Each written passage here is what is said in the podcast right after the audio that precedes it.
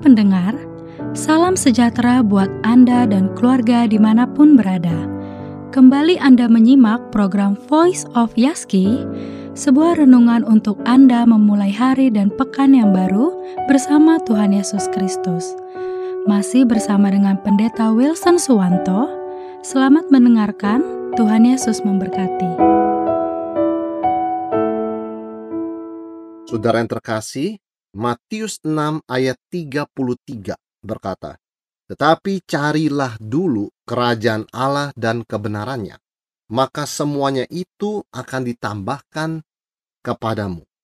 Kita sudah belajar bahwa salah satu hal yang sangat penting ketika kita memasuki tahun yang baru adalah menetapkan prioritas, menyusun prioritas. Ini bukan hanya untuk orang Kristen tetapi untuk semua orang tetapi secara khusus bagi orang Kristen, firman Tuhan menyatakan dengan tegas bahwa memang kerajaan Allah itu adalah prioritas seorang Kristen. Maka dikatakan oleh Yesus, carilah dahulu atau seek first. Artinya memang ada prioritas, ada urgensi mana yang harus kita dulukan. Nah, kita sudah belajar bahwa mencari mencari kerajaan Allah dan kebenarannya lebih dahulu, artinya memprioritaskan kerajaan Allah, artinya adalah hidup sesuai dengan nilai dan peraturan kerajaan Allah. Itu yang dimaksud dengan mencari dulu kerajaan Allah. Jadi kita memastikan bahwa hidup kita, pikiran kita, perkataan kita, rencana kita itu memang sesuai dengan kerajaan Allah, dengan agenda Allah dengan kebenaran Tuhan, dengan prinsip-prinsip pengajarannya, kehidupan yang diajarkan oleh Tuhan. Nah, tetapi apa itu wujud nyatanya?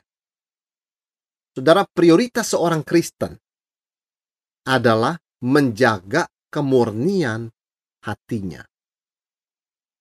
Ini yang dimaksud dengan mencari kerajaan Allah dan kebenarannya bicara mengenai kebenaran, kita tentu teringat pertanyaan bagaimana seseorang bisa benar di mata Tuhan. Yesus pernah bercerita tentang perumpamaan orang Farisi dan pemungut cukai. Keduanya berdoa. Orang Farisi berdoa di bait Allah dan dia berkata dia bersyukur bahwa dia taat kepada Tuhan dan dia tidak seperti pemungut cukai. Pemungut cukai tidak berani berdiri dekat-dekat, dia berdiri jauh-jauh dari bait Allah dan dia tidak berani melihat ke langit. Dia menyadari Tuhan, kasihanilah aku, orang berdosa ini. Yesus bertanya, mana dari kedua orang ini yang pulang dan dibenarkan oleh Tuhan? Jawabannya bukan yang membenarkan diri, melainkan pemungut cukai yang menyadari bahwa dirinya itu tidak benar, berdosa, tapi memohon belas kasihan Tuhan. Jadi ketika kita bicara mencari dulu kerajaan Allah dan kebenarannya, kita berbicara mengenai sikap seorang yang rendah hati, yang sadar bahwa dirinya masih jauh dari standar kebenaran dan kekudusan yang Tuhan tetapkan. Dan inilah kerendahan hati yang memperkenan Tuhan. Dan itu ya sebabnya Yesus berkata, pemungut cukai ini pulang ke rumah sebagai orang yang dibenarkan oleh Tuhan. Bukan karena dia hidupnya benar, tetapi karena dia percaya kepada belas kasihan Tuhan dan dia mengakui segala dosanya dan hatinya tulus dan jujur apa adanya. Mengakui bahwa dia adalah orang yang perlu dikasihani oleh Tuhan. Saudara berbicara soal hati, hati adalah sesuatu yang sangat penting bagi Tuhan dan bagi setiap orang Kristen. Karena itu, ketika kita berbicara mengenai carilah dulu kerajaan Allah dan kebenarannya, apa yang kita bicarakan sebagai prioritas seorang Kristen adalah menjaga kemurnian hatinya. Seperti pemungut cukai tadi. Ada sepasang suami istri sedang berjalan-jalan di Italia. Setiap hari mereka pergi ke gereja selama satu jam. Setelah berkali-kali demikian, hamba Tuhan di gereja itu ingin tahu mengapa mereka bisa begitu berdedikasi padahal mereka itu hanyalah turis. Dan ketika dia menghampiri mereka, tempat di mana mereka duduk, ia menemukan ada kabel dari bangku tempat suami istri itu duduk ke tempat outlet listrik. Ternyata mereka bukan berdoa selama satu jam, tetapi mereka menunggu charging HP sampai selesai. Dari kisah ini kita melihat ternyata tidak semua orang yang badannya ada di gedung ibadah itu beribadah. Mereka mungkin sibuk browsing, mereka sibuk menunggu HP-nya sampai di charge sampai penuh. Nah ini bicara masalah hati. Kenapa kita melakukan yang kita lakukan? Menjaga kemurnian hati kita itu, nah ini yang Yesus kehendaki. Firman Tuhan mengatakan, "Jagalah hatimu dengan segala kewaspadaan, karena dari situlah terpancar kehidupan." Kembali kepada orang Farisi dan pemungut cukai. Orang Farisi punya penekanan kepada hal-hal yang lahiriah saja. Sebagai contoh, mereka berkata, "Oh, berzina itu salah." Tetapi Yesus bicara apa? Barang siapa melihat seorang perempuan dan menginginkannya, sudah berzina. Jadi bagi Yesus yang lebih penting, yang lebih dalam dari semua itu, dari perintah-perintah itu adalah hati manusia. Orang Farisi mungkin merasa bahwa selama mereka tidak membunuh, mereka tidak melakukan kekerasan, mereka tidak membenci sesama.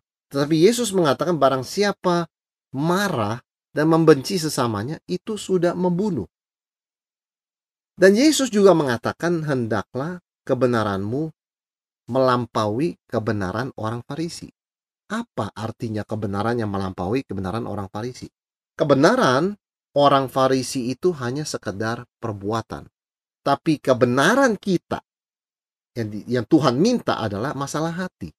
Karena itu ketika Yesus berkata carilah dulu kerajaan Allah dan kebenarannya, kebenaran Tuhan, His righteousness, maka ini bukan sekedar berbicara perbuatan lahiriah yang memang harus benar, tetapi bicara masalah sikap hati.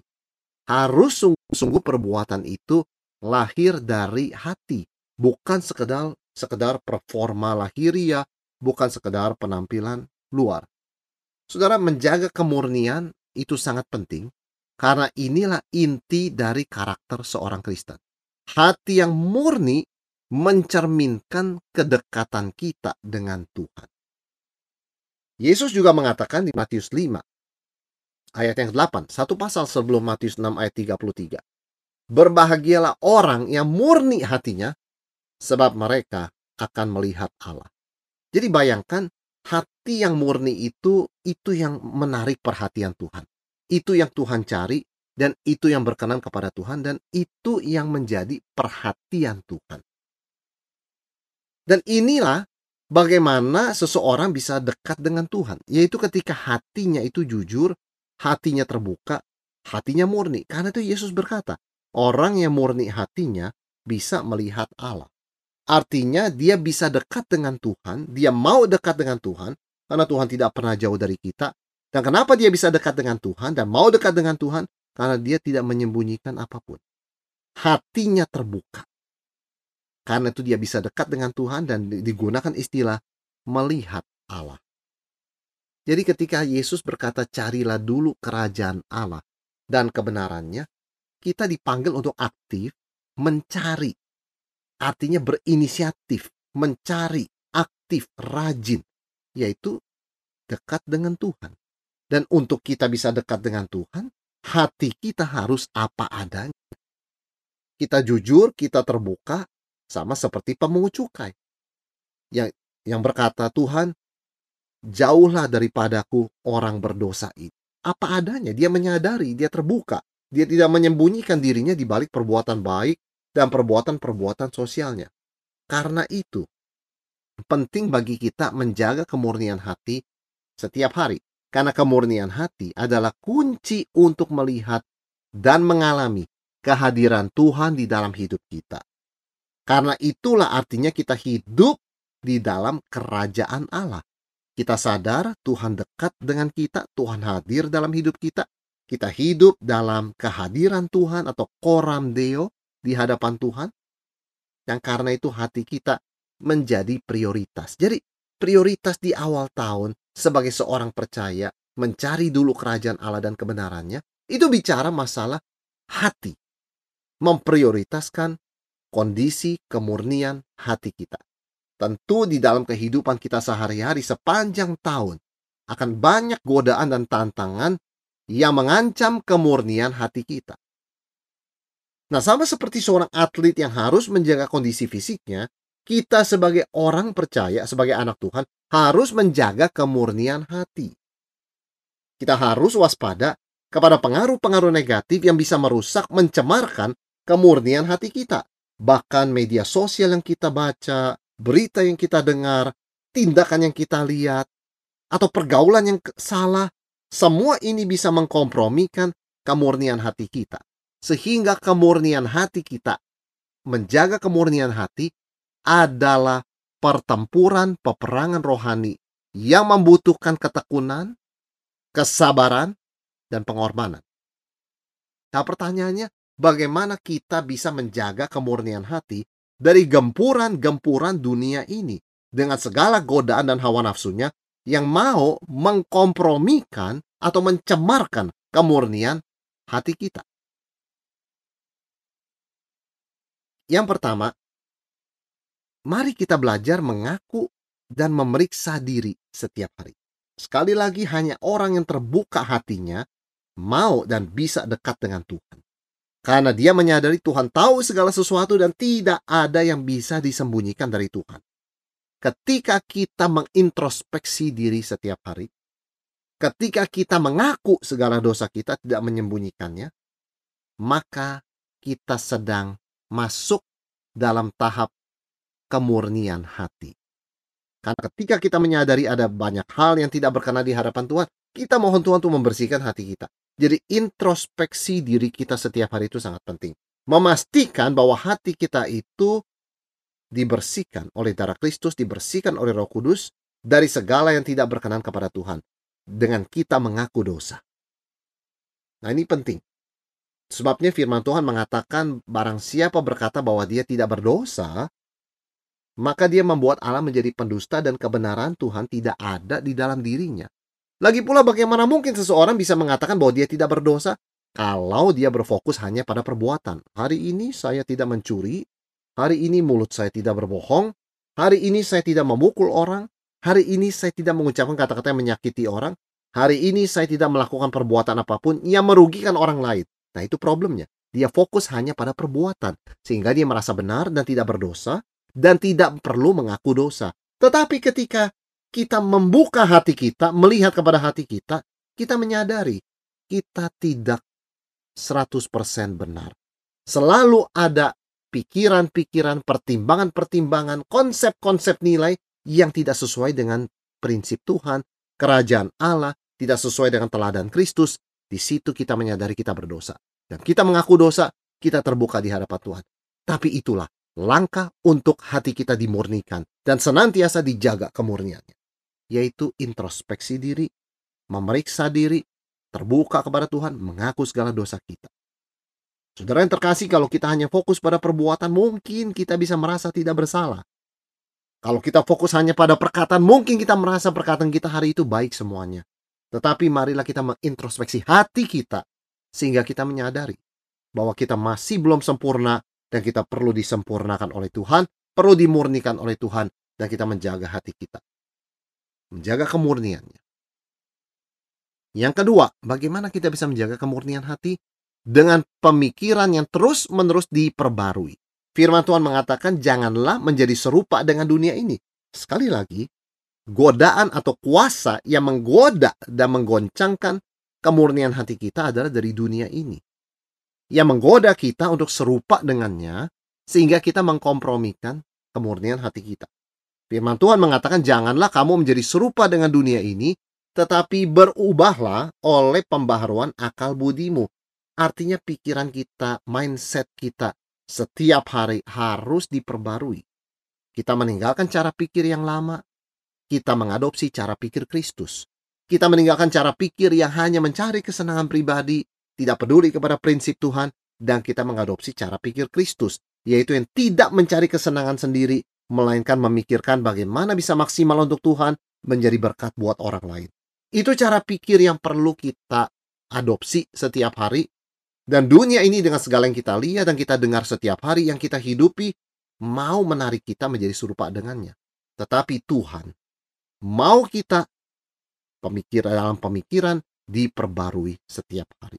Supaya kita sadar bahkan di dalam pikiran kita ketika sudah ada pola pikir yang tidak sesuai dengan Tuhan dan serupa dengan dunia, di situ kita menghindari, di situ kita menolak, di situ kita membuang cara pikir demikian. Karena hanya dengan begitu kita bisa memelihara kemurnian hati. Yang ketiga, bagaimana kita memelihara kemurnian hati? kita perlu ada di dalam komunitas yang saling mendukung. Bergaul dengan sesama orang percaya, melihat bagaimana mereka menjalankan pelayanan dengan hati yang murni dan motivasi yang murni, mengingatkan dan menjaga kemurnian hati kita juga.